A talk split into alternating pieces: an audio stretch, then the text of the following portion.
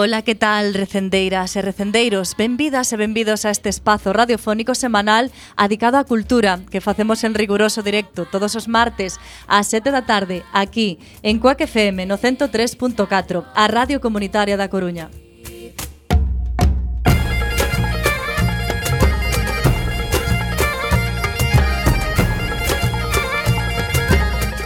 Recendo, un programa que ven presentado pola agrupación cultural Alexandre Bóveda, un programa que podedes escoitar en directo tamén a través da internet na páxina da emisora coacfm.org barra directo e tamén, como non, na aplicación móvil. E se non chegastes a tempo, non tes excusa, compañeira. Podes descargar todos os programas emitidos en Radioco, o mega podcast da nosa emisora, ou tamén podedes escoitalo na redifusión, que será o mércores ás 8 da mañá, os venres ás 18 horas e na madrugada do domingo ao luns ás 12 da noite. E tamén nos podedes seguir nas controvertidas redes sociais, tanto a deste programa recendo como a da propia agrupación cultural Alexandre Bóveda, que teñen abertos os seus canais en lugares como Twitter e Facebook ou na mesma web www.acalexandrebóveda.gal.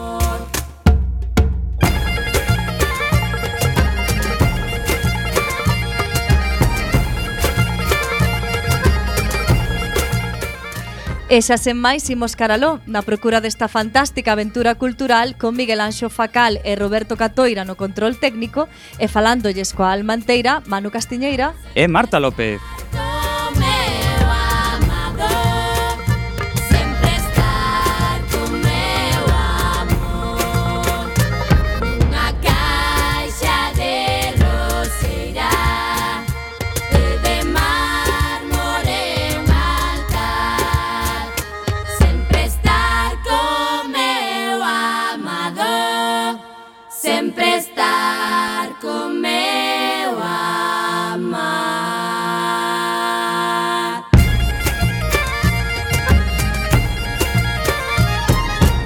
Chegamos ao programa número 326. Contaremos como a convidado con Antón Reixa, home multifacético na cultura galega, que deixou pegadas da súa creatividade na literatura, a música e o audiovisual.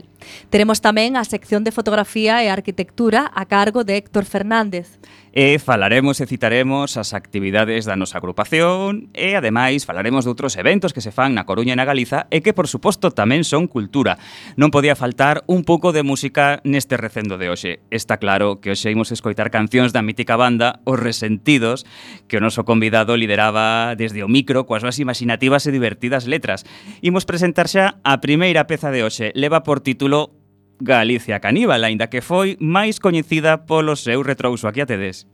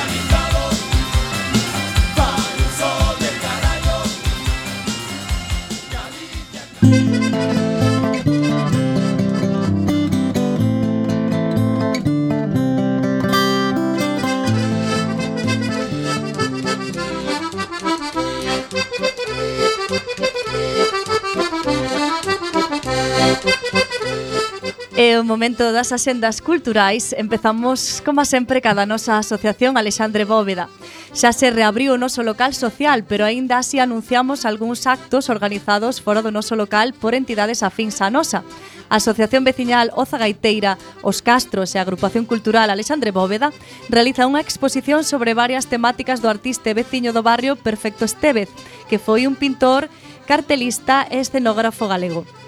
Tamén traballou para distintas editoriais como Espiral Maior, A Nosa Terra, Bahía Edicións ou Edicións Xerais, ademais de colaborar cun grande número de asociacións culturais. A exposición permanecerá dende o luns 3 de xuño ata o sábado 13 de xuño de 2019 no Foro Metropolitano. E o xoves 6, que ven sendo pasado mañá, presentamos no noso local Diarios en datas dunha aborixe galega, de Diana Varela Puñal, editada por Laio Bento. Uns textos a modo de diario onde a autora reflexiona sobre o concepto de identidade, a poesía e a ética.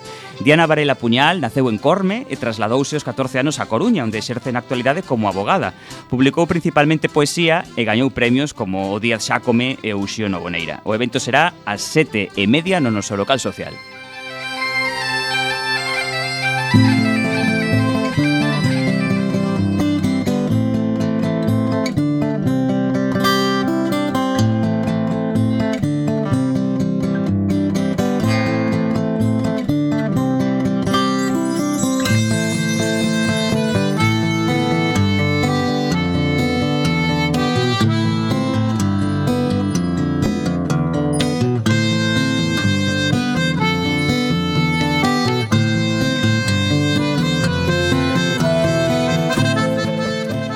Imos agora ca xenda da Coruña e empezamos polo eido audiovisual.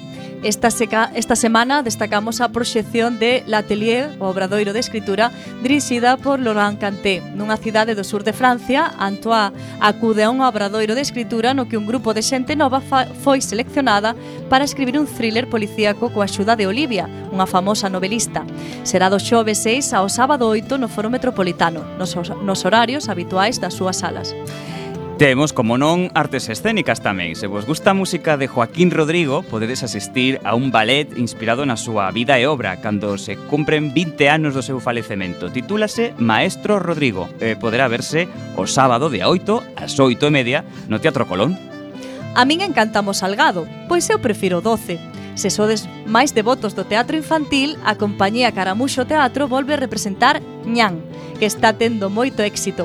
Será o domingo 9 no Ágora con sesións ás 11 e media e a 1 da mañá.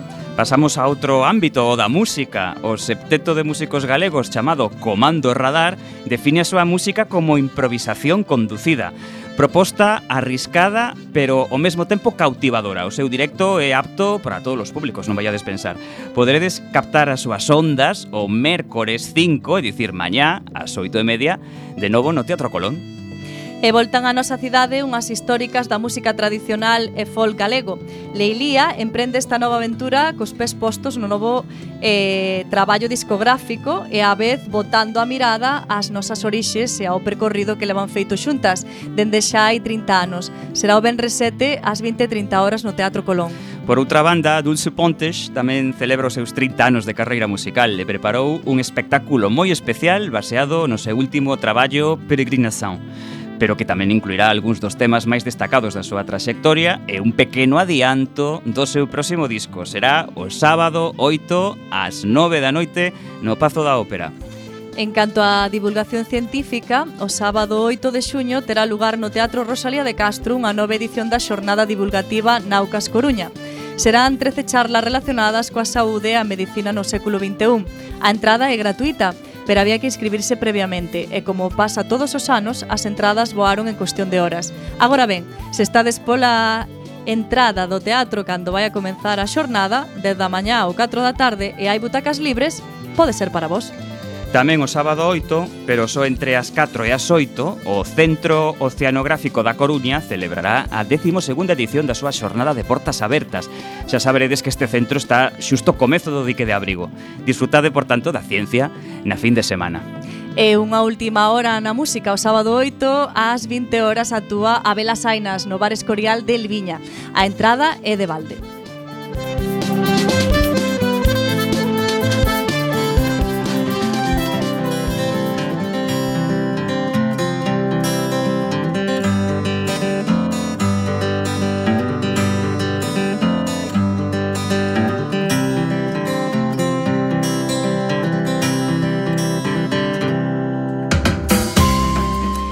A quenda da Xenda de Galiza. Empezamos, como sempre, por Lugo.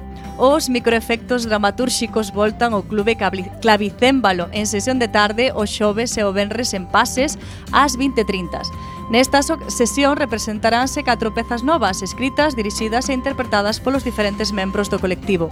O grupo pon en escena pezas teatrais duns 15 minutos de duración nas que contan historias da vida para rir ou chorar, cunha escritura directa e actual.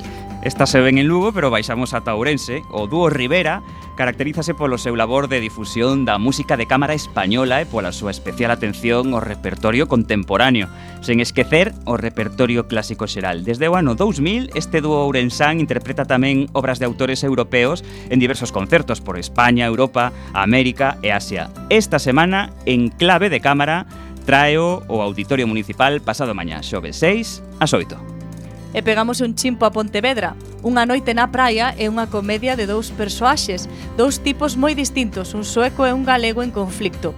Un quere marchar a casa a dormir e o outro pretende que lle poñan a última cervexa e un ombreiro para chorar as súas penas polo seu corazón roto.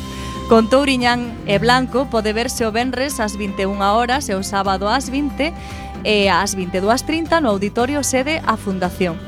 E agora subimos ata Ferrol. Atlantis, Festival da Auga e da Luz, ven sendo o Festival de Danza Oriental fin de curso da Escola Shakti Danza, onde participan as alumnas, así como bailarinas invitadas de Galicia, resto de España e Eslovaquia. Danza oriental, tribal, polinesia, Bollywood, persa, contemporáneo, fusións... No Teatro Jofre, o sábado 8 ás 8.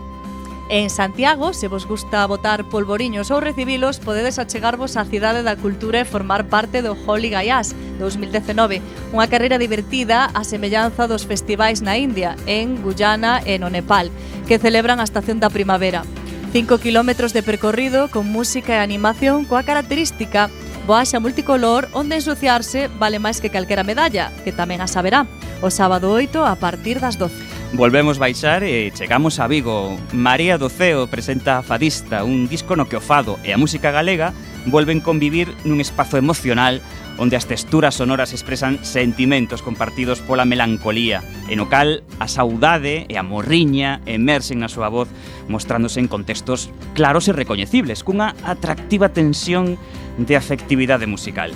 Actúa no Teatro A Fundación o próximo domingo, que é día 9 a 7 da tarde. E hoxe, como vila convidada, imos á mesa. Queiman a pousa, mostrannos un verso, un cantar, que nace como resultado do compromiso e amor pola cultura galega, sumado ao gusto de fusionar distintas artes para ofrecer ao público un amplo abano de sensacións. Poemas de artistas tan recoñecidos como Eduardo Pondal, Pascual Veiga, Rosalía de Castro, Curros Enríquez, Celso Emilio Ferreiro, Neira Vilas e tantos outros. Ata autores dos nosos días como Méndez Ferrín ou Manuel Rivas que continúan ese labor de supervivencia da nosa cultura. Unha fusión pouco habitual de declamación, canto e música. No Pazo da Peregrina en Bertamiráns este sábado ás 22.30.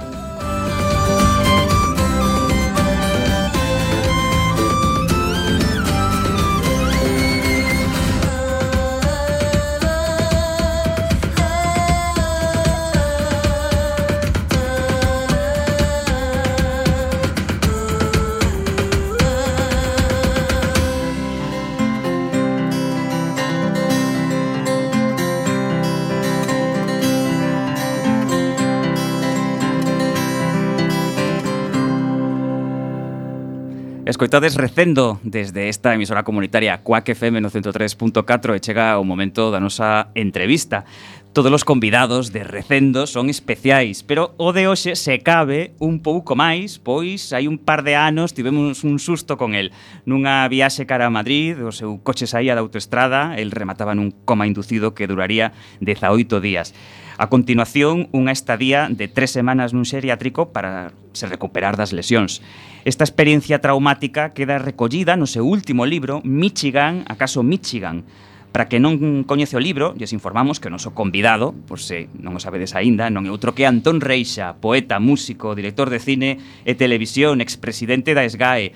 Antón Reixa é un nome indisociable no que se deu en chamar a movida viguesa do nacemento do audiovisual galego, tamén é un cuinquedo e ás veces un tanto molesto polas súas opinións.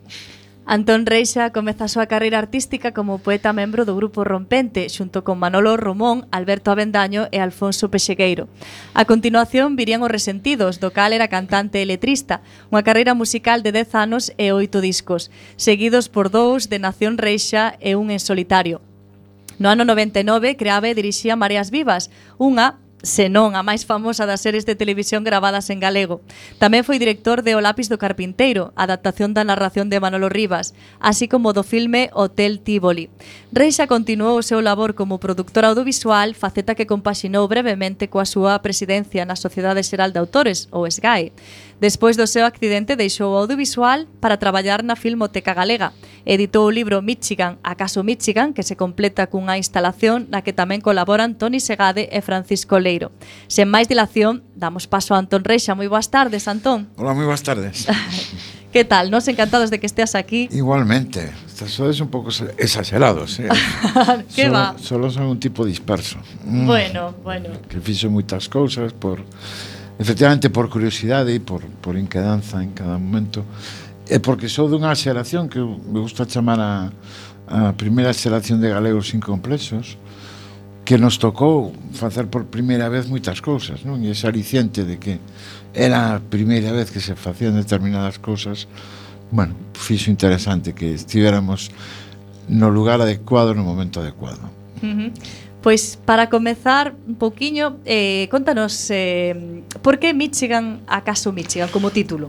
Bueno, é un, bueno, unha reflexión que parte de un, de un, que, un feito real que eu teño un accidente a final de 2016 como consecuencia dese de, de accidente bueno, inducenme un coma que dura 18 días. Eh, obviamente o coma e o que eu trato de contar dese coma é un, está medio camiño entre o delirio e a realidade, un coma eh, é curioso porque un coma ás veces eh, ou, bueno, ás veces non sempre pensamos que para que non sintas nada.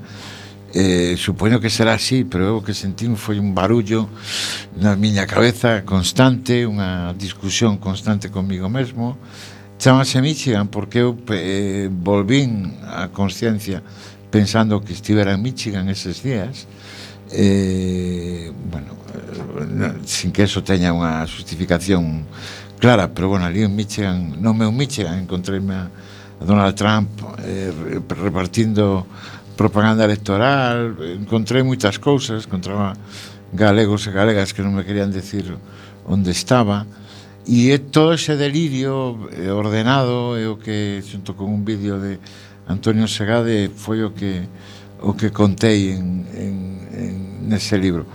A verdade é que é unha experiencia así, unha, é unha experiencia normalmente dice que é traumática. Eu agora que o pasei diría que que enriquecedora, é dicir, eh, salvar a vida é algo que bueno, pues é algo que marca, que é algo que, que te pon nun punto de vista diferente no que vas ver as cousas a partir dese momento dunha forma du, bueno, dunha forma distinta e e eu, da que, eu antes do coma xa un tipo agradecido á vida, eu sou un tipo agradecido á vida, creo que tiven sorte, non, en facer en poder facer moitas cousas e compartilas con tanta xente.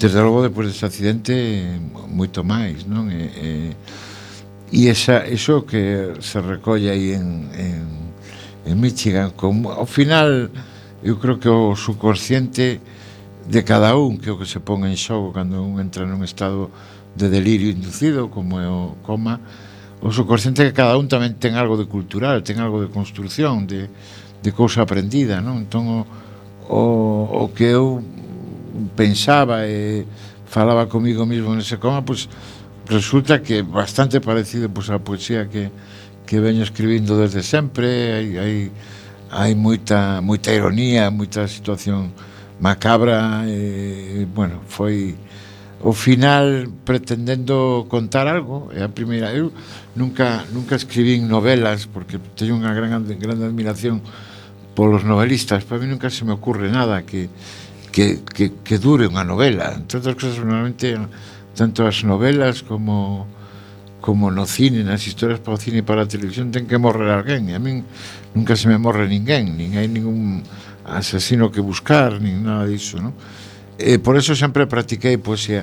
Aquí tiña un algo real que pasara, que era un accidente, o que non morría, pero estaba a punto de morrer, era o mesmo.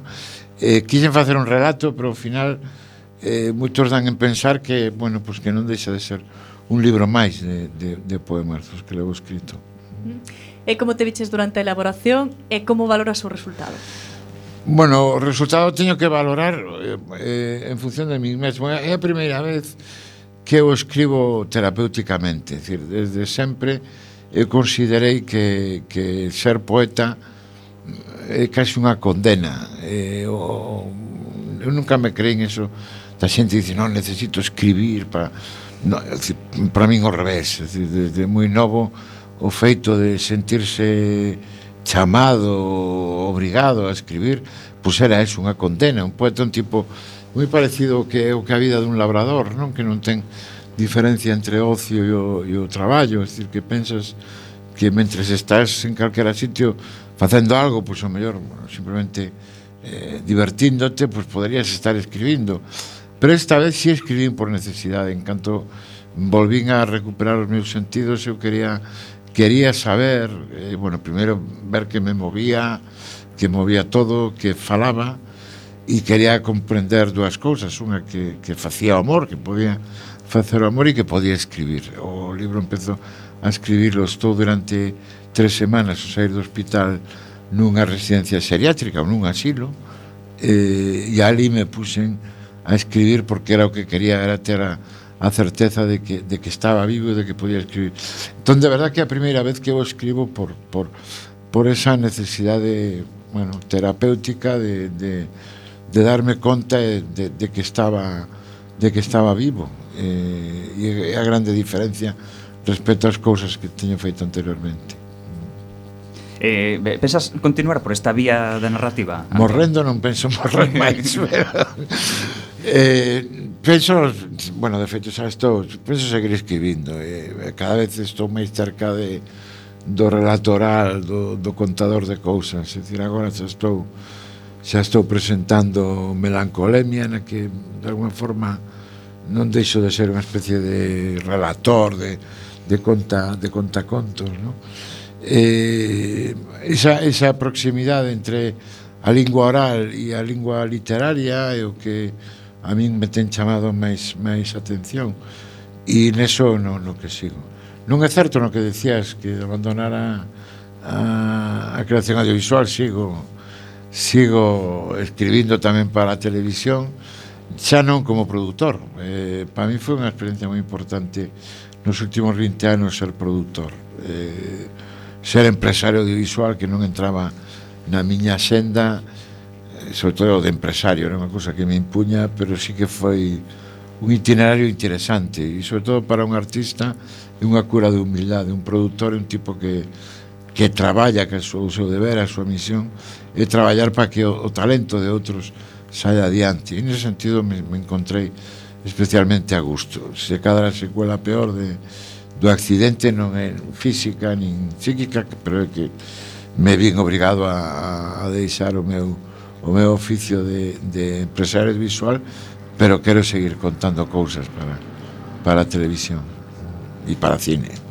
Provocouche este suceso algún algún cambio máis? Descubriches cousas de ti mesmo que descoñecías ou demais? Ou, ou non foi bueno, tanto? en primeiro lugar, o que descubrín que tiña razón. Nos, tiña razón, eu non sentido que eu non teño ningún apego nin crenza sobrenatural. Eh, sempre de broma eh, cando pasas por unha así todo mundo, a xente medio de coña pero todo mundo te pregunta oye, hai un túnel e biches unha luz non, non vin nada eh, o que vin é un barullo xa digo eh, intenso e bueno, é, po, é posible é posible eh, científicamente que o que eu dou en, en chamar os meus 18 días de coma o que eu recordo é moi posible que, que que teña que ver ca última fase do coma, é dicir, do momento en que xa estaban baixándome, digamos, a, a sedación para, para, para que volver, volver a consciencia, pero para min foi como unha experiencia moi moi intensa, como se si miñera andando desde Michigan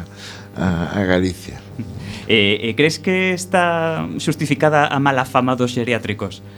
Que podes dicir? Bueno, os, eh, os geriátricos... eh, debían inducir a, a unha reflexión constante. É dicir, eh, estamos, estamos nun momento de, da nosa historia no que precisamente pola, pola, polo alongamento da esperanza de vida cada vez na nosa sociedade hai máis maiores e, e, e non pensamos neso pero realmente eh, eh, eh, que facer cos nosos maiores que facer con nos mesmos é, un, é, un, é algo que debemos afrontar eh, foi máis intensa incluso que a UCI que, e que o coma foi eh, especialmente a miña estadía nese seriátrico no? ver, verme rodeado de persoas maiores ver como como cada un embellece dunha forma distinta eh, hai persoas que aos 75 anos están desfeitas que non ten ningún sentido incluso que, que sigan vivindo e sin embargo ves persoas eh, na, no límite dos 90 e que e que conservan unha lucidez e un, un, unhas ganas de vivir. Eh, fíxame, fíxame pensar moito. Logo hai outra cosa tamén que ten que ver ca, ca ancianidade que é que aquelas virtudes e defectos que temos que se agudizan.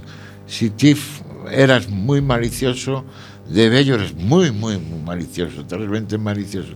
Si foches eh, tipo generoso, bonachón, tal, pois pues, eh, eh, eso, eso tamén se, se, se agudiza máis. A mí me fixo pensar moito, cosas as que estou escribindo teñen que ver teñen que ver con eso, con que eh, porque a máis non queremos pensar eh, eh neso, sin embargo eu creo que ahora cada vez en todas as familias hai un problema asistencial de, de ter que atender a algún maior que está no entorno familiar e nunca nunca se dá nunca se ha encontrado a, a mellor solución. Eh, ás veces, obviamente, que iso é o principal por, por falta de cobertura económica para que os nosos maiores vivan ben, outras veces porque hai eh, bueno, é, é difícil, é desgarrador ás veces pensar que un maior co que sempre viviches pois que vai a estar nunha residencia, que ás veces é mellor, porque eh, profesionalmente está mellor atendido, eh, non, non pensamos demasiado niso, e, e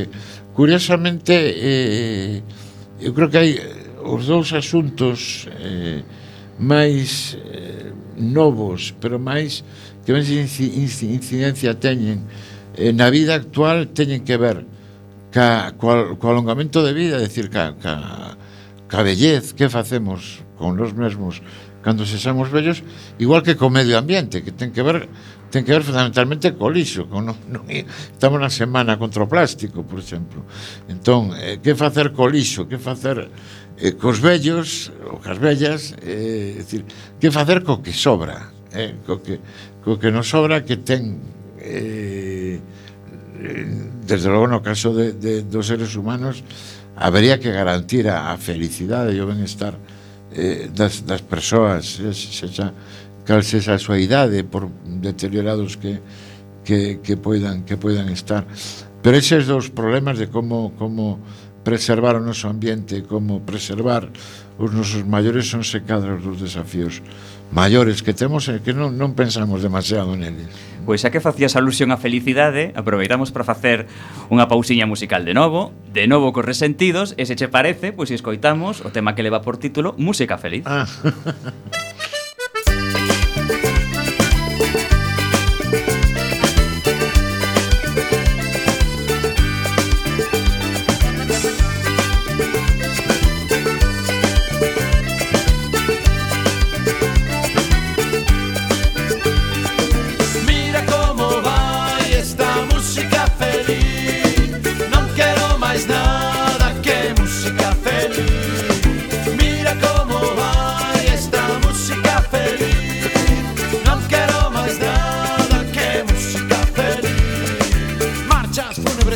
militares Salsas e merengues de repostería Música para bodas e para procesións Música de negros que bailan os brancos Cada situación a súa banda sonora Música de ópera para abrigos de visón Bailes elegantes, bailes de salón Ritmos de patosos, música feliz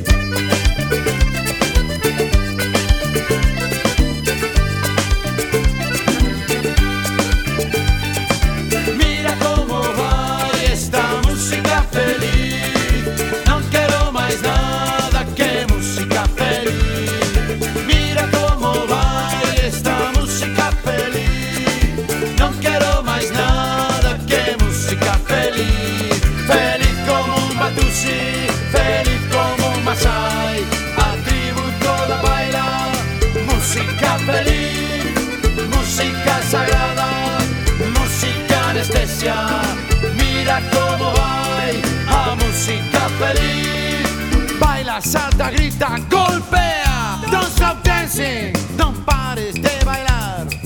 Cinturas mareadas, cinturas terremoto. O oh, mercado persada, música feliz, mira como baila. Mira, mira como baila.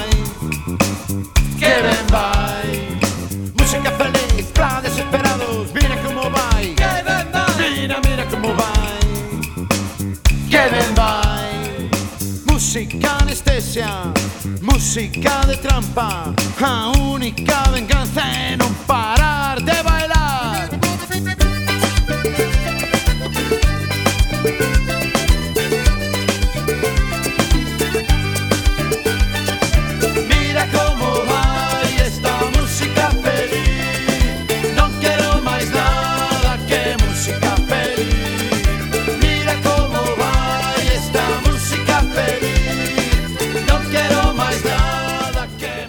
Pois despois desta pausiña musical eh, retomamos a nosa conversa con Antón Reixa.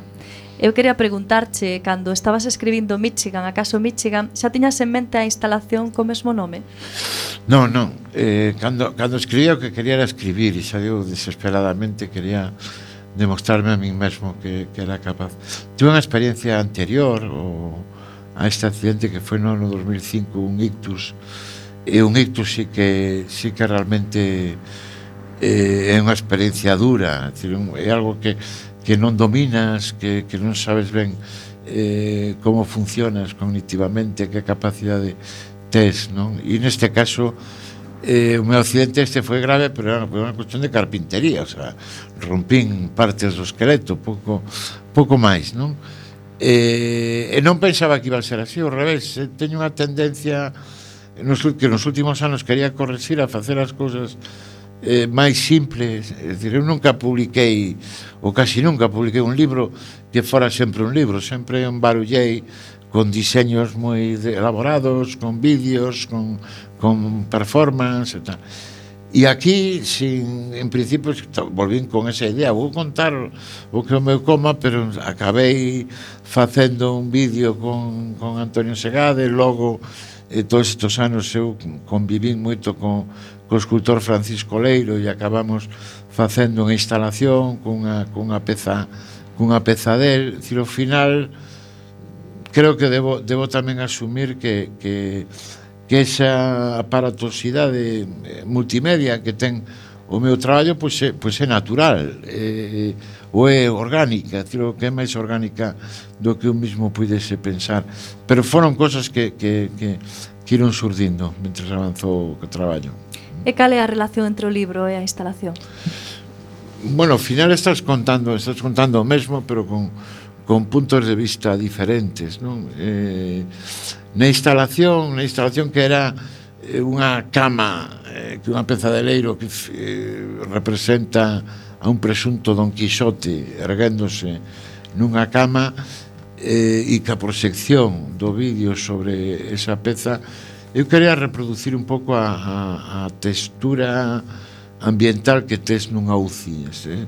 Estar dentro dunha UCI é algo é algo curioso, decir, eh, para min hubo dúas eh, situacións do accidente moi chamativas. Unha é viaxar en ambulancia, eh, truxérome de, de Valladolid a Galicia nunha ambulancia, e unha ambulancia como un mundo perfecto, onde está un sitio para cada cousa, todo está estivado, todo, ninguén pode moverse máis da conta.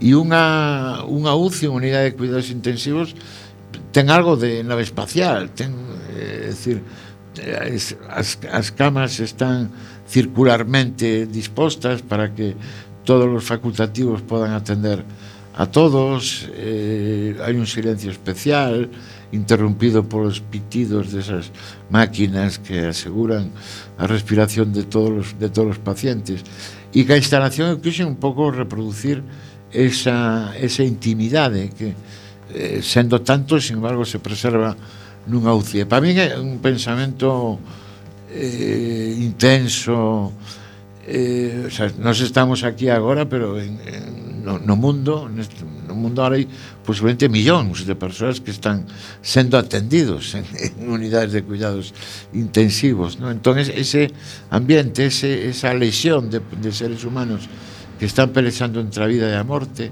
e tamén, que se hai que decirlo, a lesión de persoas que os están cuidando. Os cuidadores de UCI eh, teñen algo especial, non teñen eh, eh, bueno, todo, todo eso eh, eh, eu antes me impresionaba a diversidade do mundo eu pensaba, eu estou aquí e ora é outra hora en Pequín e haberá un chinés facendo tal cousa e ora digo, eu estou aquí pero haberá unha unidade de cuidados intensivos en algún sitio e alguén se estará recuperando dun, dun accidente. Ás veces eh, a diversidade tamén está en, en que as situacións que nos encontramos xeneren unha mesma unha certa solidariedade e comprensión de como está o outro. Antón, eh, cando se fala da movida, hoxe en día hai tendencia a pensar que está un pouco mitificado todo iso, que, que en definitiva non era para tanto. Ti que opinas cando oes falar a bueno, día de hoxe da eh, movida? Bueno, eu que, cando, daquela era eu que decía non era para tanto, eh? o sea, que est estou autorizado para para seguirlo pensando de alguna forma. Eu lembro que que nos anos 80 eu entraba no 82 e, e ao final da década recibín en Vigo equipos de televisión de todo o mundo, xornalistas de periódicos de todos os lugares de España, de Europa, todo o mundo viña a Vigo porque parecía que aquel era un Atenas cultural. Eu, sin embargo, vivía un Vigo moi diferente, era un Vigo combativo, é o momento terrible da reconversión naval. Eh, nos anos 80, nesa década, hubo tres folgas xerais en Vigo con moito seguimento. Eh, eu tiña unha visión moi crítica do que pasaba, decir, eh, eh, e eu manifestaba continuamente, manifestaba continuamente. Eu creo que tamén o que eh, xogaba aí era que de repente Galicia, que está no cu do mundo, como di o meu amigo Xurso Souto, de repente hai ese pensamento que é moi moi moi moi ilustrado e moi despótico. Dice, coña, aí no cu do mundo que modernos son dice, que, que música fan, que pintura que, que de cousas hai. Un pouco esa, esa morbidez era o que provocaba esa, esa tensión por Vigo e por, e por Galicia en xeral. Eu daquela decía non era para tanto agora digo eh, sin embargo, que eran tempos, eh, bueno, tempos felices no sentido eh, non só que foron os mellores anos das nosas vidas, sino que foron tempos felices eran tempos nos que había eh, que xe o, o caldo de cultivo daquele ambiente e de toda aquela efervescencia cultural era que había unha grande liberdade e unha grande tolerancia. Cosas que ás veces eu nos tempos actuais voto de menos, é dicir, había un, esa, esa tolerancia, esa, esa eh, curiosidade por, por, por o que facían os demais, por moita frivolidade que houbera, que había, que había eh, é dicir, éramos, éramos eh, todos moi frívolos, eh, todos moi exhibicionistas, pero pero bueno, hai algo de auténtico naquelo, sobre todo porque estaban vinculado a esa militancia radical na liberdade, en ser ser como queres ser e ser como che dá gana ser, non? Iso é importante. Ben, facemos outra pausa e enseguida continuamos falando un chisquiño máis contigo, Antón, porque temos unha das nosas seccións habituais aquí en Recendo, a sección de fotografía e arquitectura no día de hoxe con Héctor Fernández. Esta é a súa sintonía. Mais quanto máis feliz era o morfi unha bala cruzou o peito O sangue de morfi atingiu océano O fondo do mar foi seu leito Morfei, morfei, morfei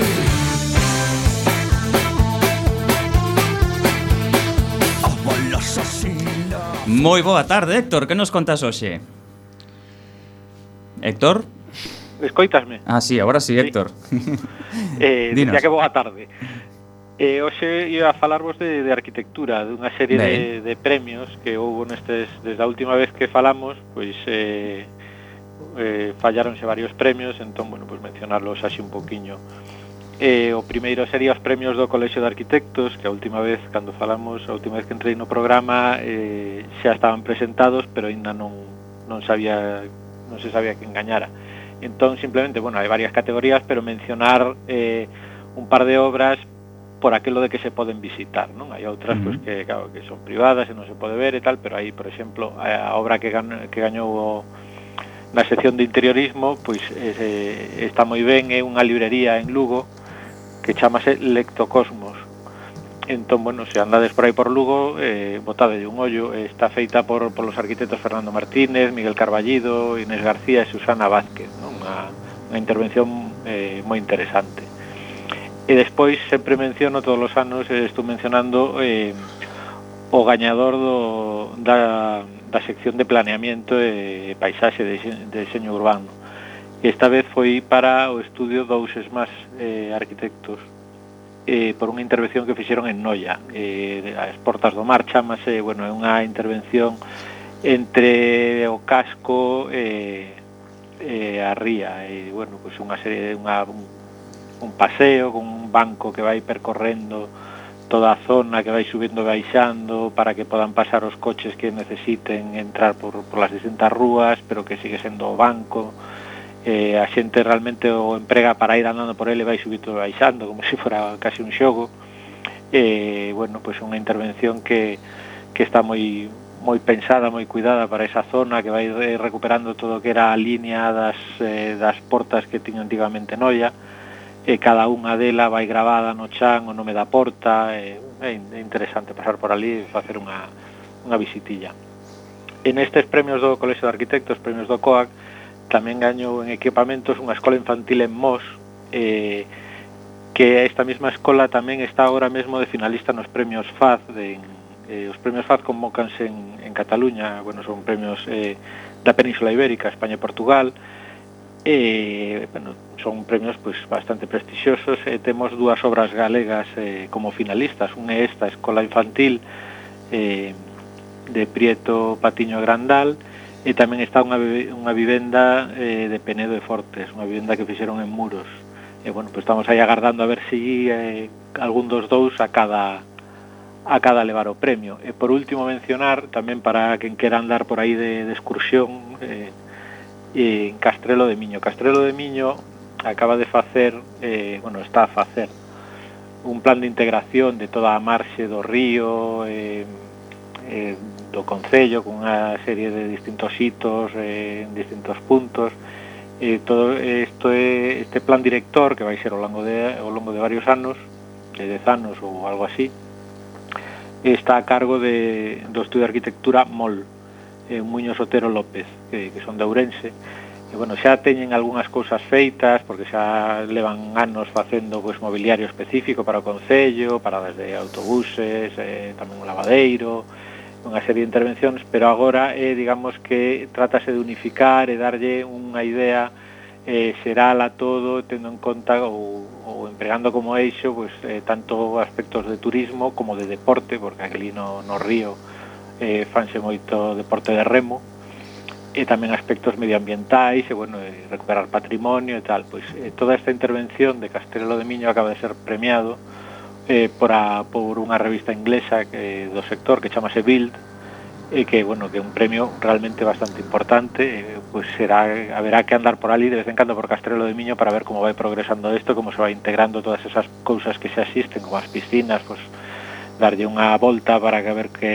que toda esa marxen os arquitectos hai que como facer eh, un cinto verde a carón do cinto azul que é o propio miño non? Mm. E, bueno, pues, invitar a xente que, que pase como sempre Pues quedamos, quedamos convidados e quedamos con estes apuntamentos. Eh, Héctor, eh, onde podemos atopar Lectocosmos que dixeches ao principio? Está en Lugo, está en eh, a rúa así que tería que mirar onde eh, mm.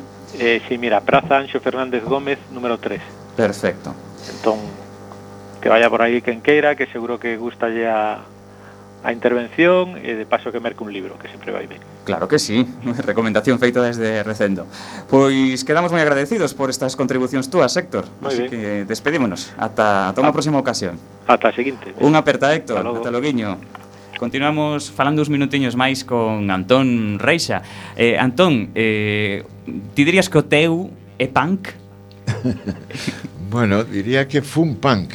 Fuches eh, punk, e, sí. e que entenderíamos por punk? E que posiblemente que, que, que aí me quedei. eh, da, naquel momento mellor non nos consideramos punk, pero todos somos froito da, da cultura punk. A cultura punk, en definitiva, é, é un concepto libertario, é un concepto de que ten moito que ver con que, independentemente de cal sexa o teu dominio técnico, de calquera a disciplina artística que te debes expresar. É dicir, eh, o, o, o exemplo típico dos punks na música é que tocábamos deliberada, deliberadamente mal. É dicir, eh, eu son un mal cantante, é dicir, eu son un tipo que que son a esencia dun dun grupo pan, dicen, a ver, este que está aquí, que fai as letras e que non toca ningún instrumento, pois que cante, non? Porque non había que cantar demasiado ben, non, eu non teño unha técnica vocal eh, desenvolvida. Pero por eso reivindico ese pensamento libertario de faino ti mesmo, non? De just do it, de, de, de que de que o fagas. Ese, ese é a, gran, a grande mensaxe da cultura da cultura punk, que decir que que a técnica e o virtuosismo non sexan unha barreira para para a túa liberdade de expresión artística. E neso eh, crecimos, supoño que deso nos quedan cousas. Eh, volverás Antón subirte a un escenario ou sí. gravar un disco? un disco non sei se, si, bueno, ahora xa non, xa non, xa non está de moda gravar discos, pero pero si facer cancións. Bueno, o ano pasado tive unha experiencia moi bonita de tocar Eh, no verán e, e, e este ano tamén vamos presente o, o 21 de xuño que é o Día da Música imos tocar en Santiago na Cidade da Cultura e agora pois pues, eh, bueno, unha das eh, situacións que me gusta desta nova circunstancia na que vivo que estou aberto en calquera momento a, a tocar ou eh, volvo tamén moito a, a facer poesía en público, a facer performance agora presentou Cabiño de Valencia un festival que se chama Vocerío que é de spoken word de, de, de, de poesía feita con outros medios que non son estrictamente, digamos, un soporte libro, non? E veño tamén de do Womat en, en Cáceres de facer algo similar.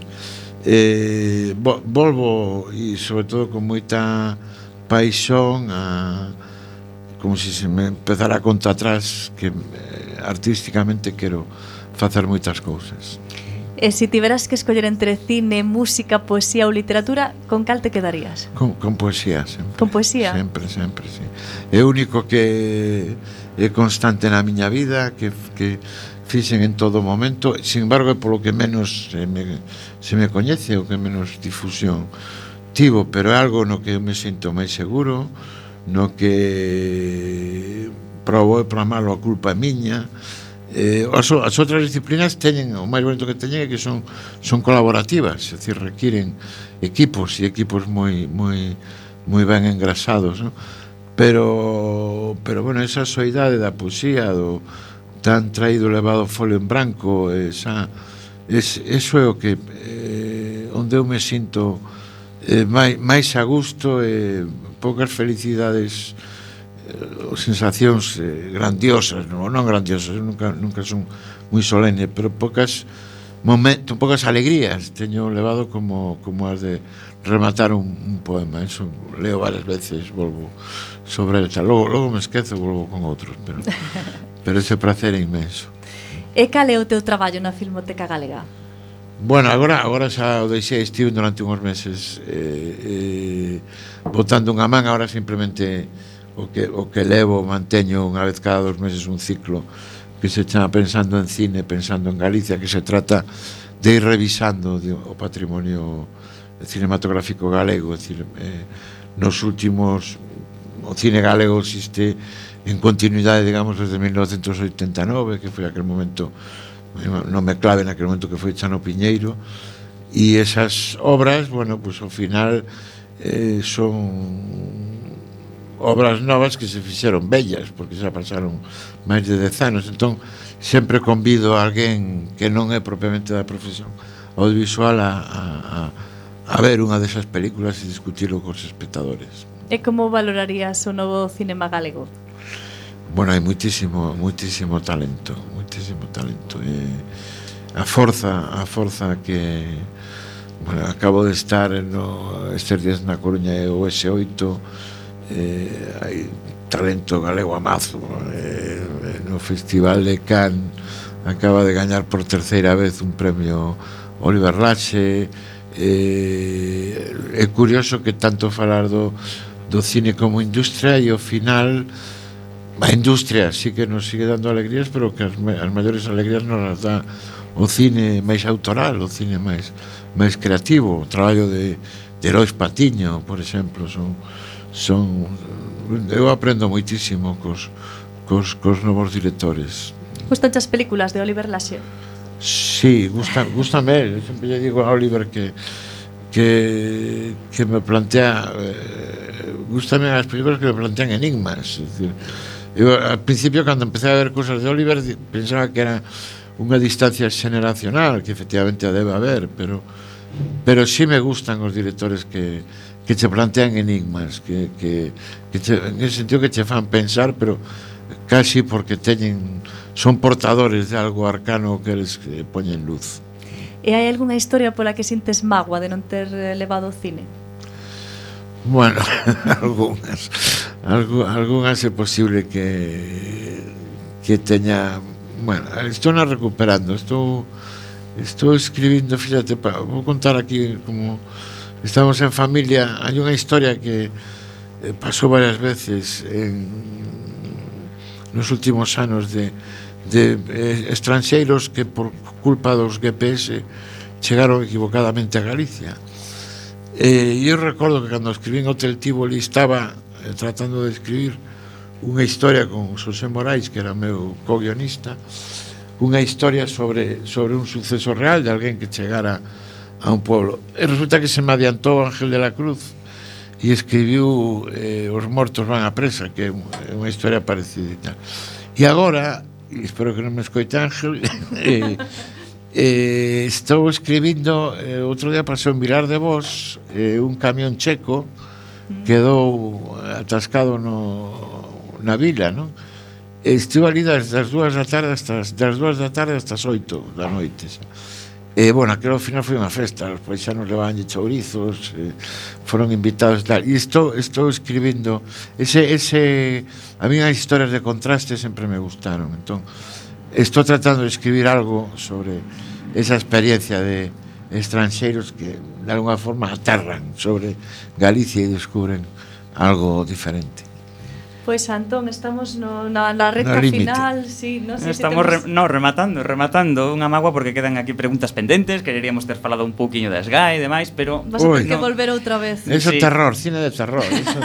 pois pues queda que, queda para outra ocasión, Antón. Moitas moitas grazas por moitas grazas compartir este rato con nosco. Moita sorte, chuac. Efectivamente. Cuac, cuac. cuac FM, quedamos en tempo para máis. Chegamos a fin do camiño deste recendo e despedimos o programa de hoxe agradecendo os nosos convidados, como sempre de honra, Antón Reixa, o noso principal convidado, e tamén tivemos a sección de fotografía e arquitectura con Héctor Fernández. E sen tempo, a perdón, e agradecendo a semente pedra angular de todo, o noso comando equipo de producción formado por Javier Pereira, Manu Castiñeira e Roberto Catoira. E aquí estivemos eh, Miguel eh, Miguel Anxo Facal e Roberto Catoira nos controis e coalento no micrófono Manu Castiñeira e Marta López.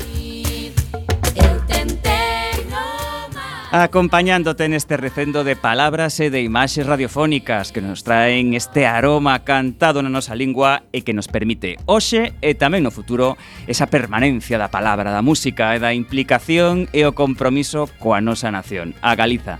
Despedímonos ata o vindeiro martes a mesma hora, a 7 da tarde, tamén en directo nesta emisora Coac FM da Coruña. Xa sabedes, recendo as mil primaveras que terá o noso idioma.